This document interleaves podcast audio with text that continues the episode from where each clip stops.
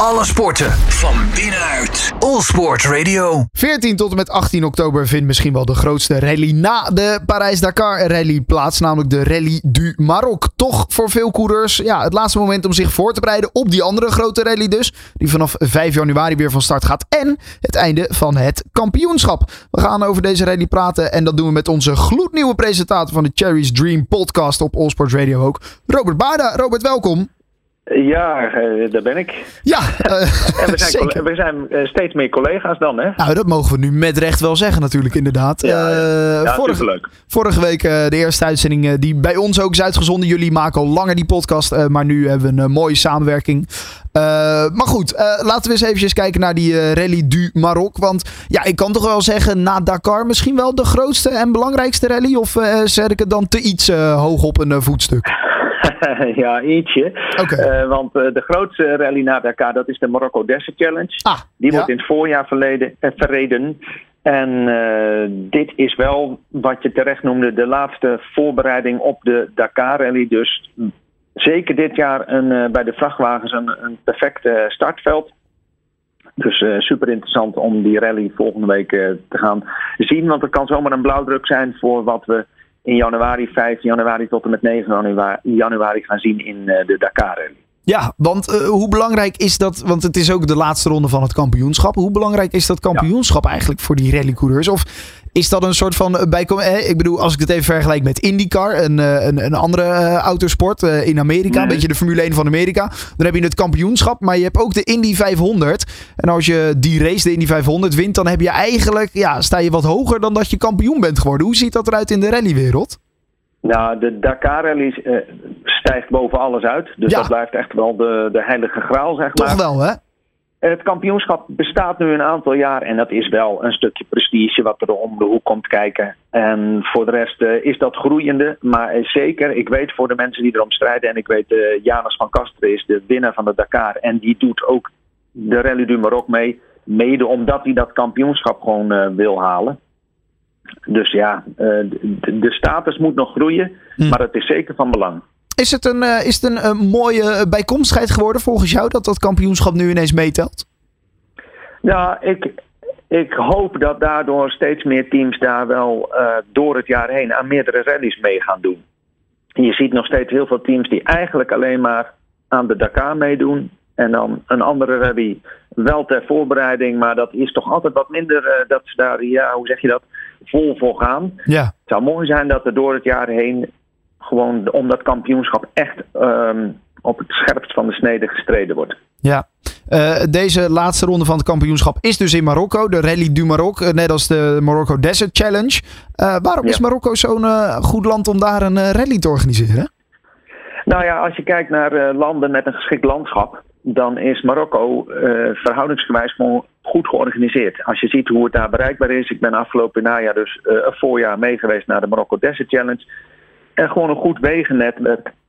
Al weet ik nu niet natuurlijk na de aardbeving hoe dat nu uh, Ja. allemaal is. Maar voor zover ik begrijp is gewoon het grootste netwerk is daar nog gewoon nog steeds aanwezig. En, ja, en het is gewoon goed georganiseerd. Terwijl je in andere landen toch um, te maken hebt met uh, moeilijkere regimes. Of uh, ja, nou ja, het is gewoon allemaal ingewikkelder, zeg maar.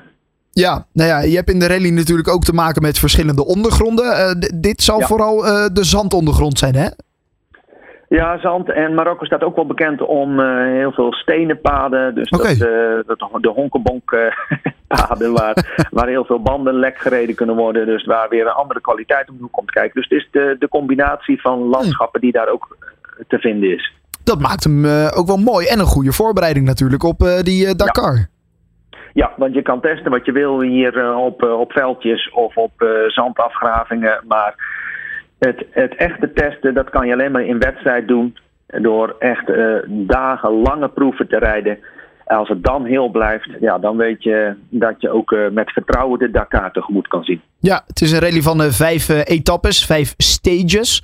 Um, ja. is, dat, is, dat een, is dat lang genoeg? Is dat een mooie voorbereiding?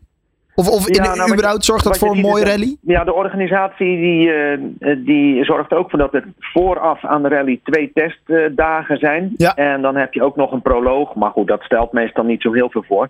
Kortom, voor teams is het buiten die vijf stages, eh, stages ook nog lekker om die extra dagen ook te hebben om te testen. En eh, ja, als je vijf stages hebt die gewoon echt Dakar waardig zijn. En dat mag je verwachten, want het wordt georganiseerd door dezelfde organisatie. Dus Ja. ja, ja dan, dan kunnen de teams hun borst eh, nat maken. En eh, eh, hopelijk blijft het materiaal dan heel. En dan kunnen ze heel, met veel wijsheid eh, uit terugkeren. Ja, nou goed. Janus, jij noemde hem net al een van de kanshebbers dus op de titel. Eh, hoe, wat, wat verwacht jij van hem? Eh, ja, nou net wat je zegt. eh grote kans hebben. Ja, Ik ben vooral ook heel nieuwsgierig eh, naar de concurrentie natuurlijk.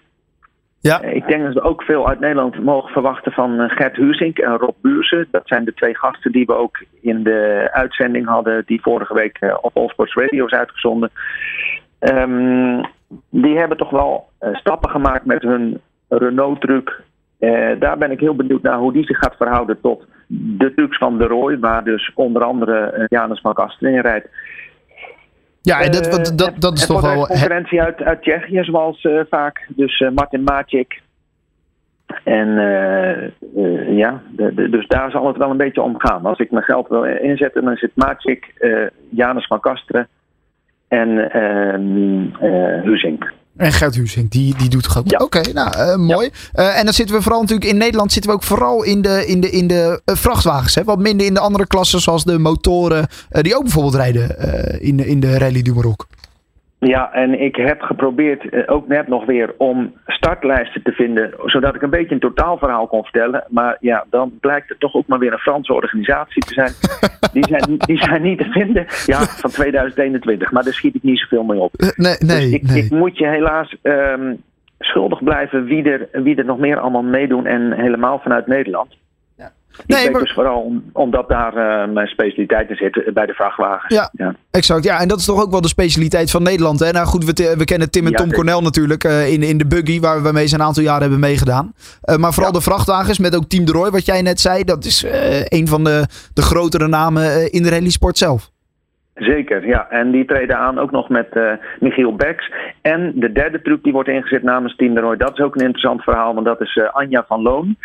Ah, en ja. eh, zij treedt aan met een volledig vrouwenteam in, eh, in een truc. En dat is voor het eerst. En ik verwacht dat hij toch ook goed meedoet. Want die heeft in Marokko heeft ze al wel in een truc gereden. Maar nu met een volledig vrouwenteam. Dat betekent dat er ehm, ook Marije van Eppenkoven, dat is de monteur. En eh, Floor Mapen is de navigator van dienst. En die gaan met z'n drieën dus ja, ook starten in, in, in Rally du Maroc. Ja. Als voorbereiding ook op de Dakar. Maar dat is, een- dat is nu al een mooi verhaal. Precies, want eh, als ik het goed heb onthouden, is dat inderdaad voor het eerst dat er een volledig vrouwenteam meegedoen, toch? Aan de Dakar. Ja, ja, ja. Eh, wel in de trucks en uit Nederland. Het zou kunnen dat er ergens eerder al wel eens een team is geweest. Maar ik denk dat die, eh, dat is zo lang geleden dat ik het in ieder geval niet weet. En eh, ik denk dat dit team ook echt kans maakt om voorin mee te strijden. Die hebben het echt eh, goed voor elkaar. Dus dat is interessant om dat team te gaan volgen. Mooi. Goed, de Rally du Maroc van 14 tot en met 18 oktober. En dan in de volgende aflevering van Cherry's Dream wordt daar, verwacht ik, uitgebreid op teruggeblikt. Nou, de- we hebben de volgende aflevering al opgenomen, dus Oh. dat zou niet lukken. Maar het wordt wel heel erg leuk. Dat is met eh Wuf van Ginkel als gast. Eh, maar we zijn bezig om eh, daarna, dus dan praten we over, wat zitten we dan? Ja, november. al. Ja. Dat we dan in de uitzending de drie dames hebben die ik net noemde. Kijk. Die willen we aan tafel hebben. En die hebben vast al fantastische verhalen vertellen over de Rally du Maroc en in aanloop naar de Dakar. Dat, eh, Mag ik, verder nog, mag ik verder nog even reclame maken voor eh, de Dutch Dakar? Dat gaat een event worden op 12 november. ja, Daar ben ik natuurlijk nu al mee begonnen door deze zin al vol erin te gooien. ga je Maar dat gang. wordt een, eh, eh, een, een mooi event in Eersel. Eh, zoek even op eh, dutchdakar.nl voor alle informatie. Ja, dat is eh, een jaarlijks eh, event inderdaad eigenlijk waarbij alle Nederlandse deelnemers eh, van de Dakar zich nog één keer laten zien in Nederland. eh, door eh, nou ja, eh, daar eh, nou ja, oneerbiedig gezegd rondjes te gaan rijden. Ja, maar wel dichter bij eh, het hele circus kan je niet komen. Nee, inderdaad. Eh, voorheen, voorheen stond het bekend als de, de pre-proloog. Maar het is even eh, belangrijk om te zeggen dat de mensen die dat kennen, dit is een andere organisatie. Oké. Oké. Eh, en, en, en bestaat de preproloog dan niet meer? Of, eh, Ja, dat is een heel ingewikkeld verhaal. Daar kan ik uren over praten. Maar eh, die hebben goed met elkaar in contact gestaan. Maar zoals het nu lijkt, gaat de Dutch Dakar de opvolger van dat event worden. Oké, als we daarbij willen zijn, moeten we dus vooral even zoeken op Dutch Dakar. Eh 12 november, zei je? Ja, 12 november. Hartstikke mooi. Ik heb hem opgeschreven. Eh, Robert Baarda, ik wil je bedanken. En eh, laten we hopen op een eh, mooie eh, Rally du Maroc. En eh, dan eh, kan ik al niet meer wachten op de volgende aflevering van de Cherry's Dream. Nou, eh, eh, ik ben benieuwd. Hartstikke mooi. Eh, Robert Baarda, dankjewel. Alle sporten van binnenuit. All Sport Radio.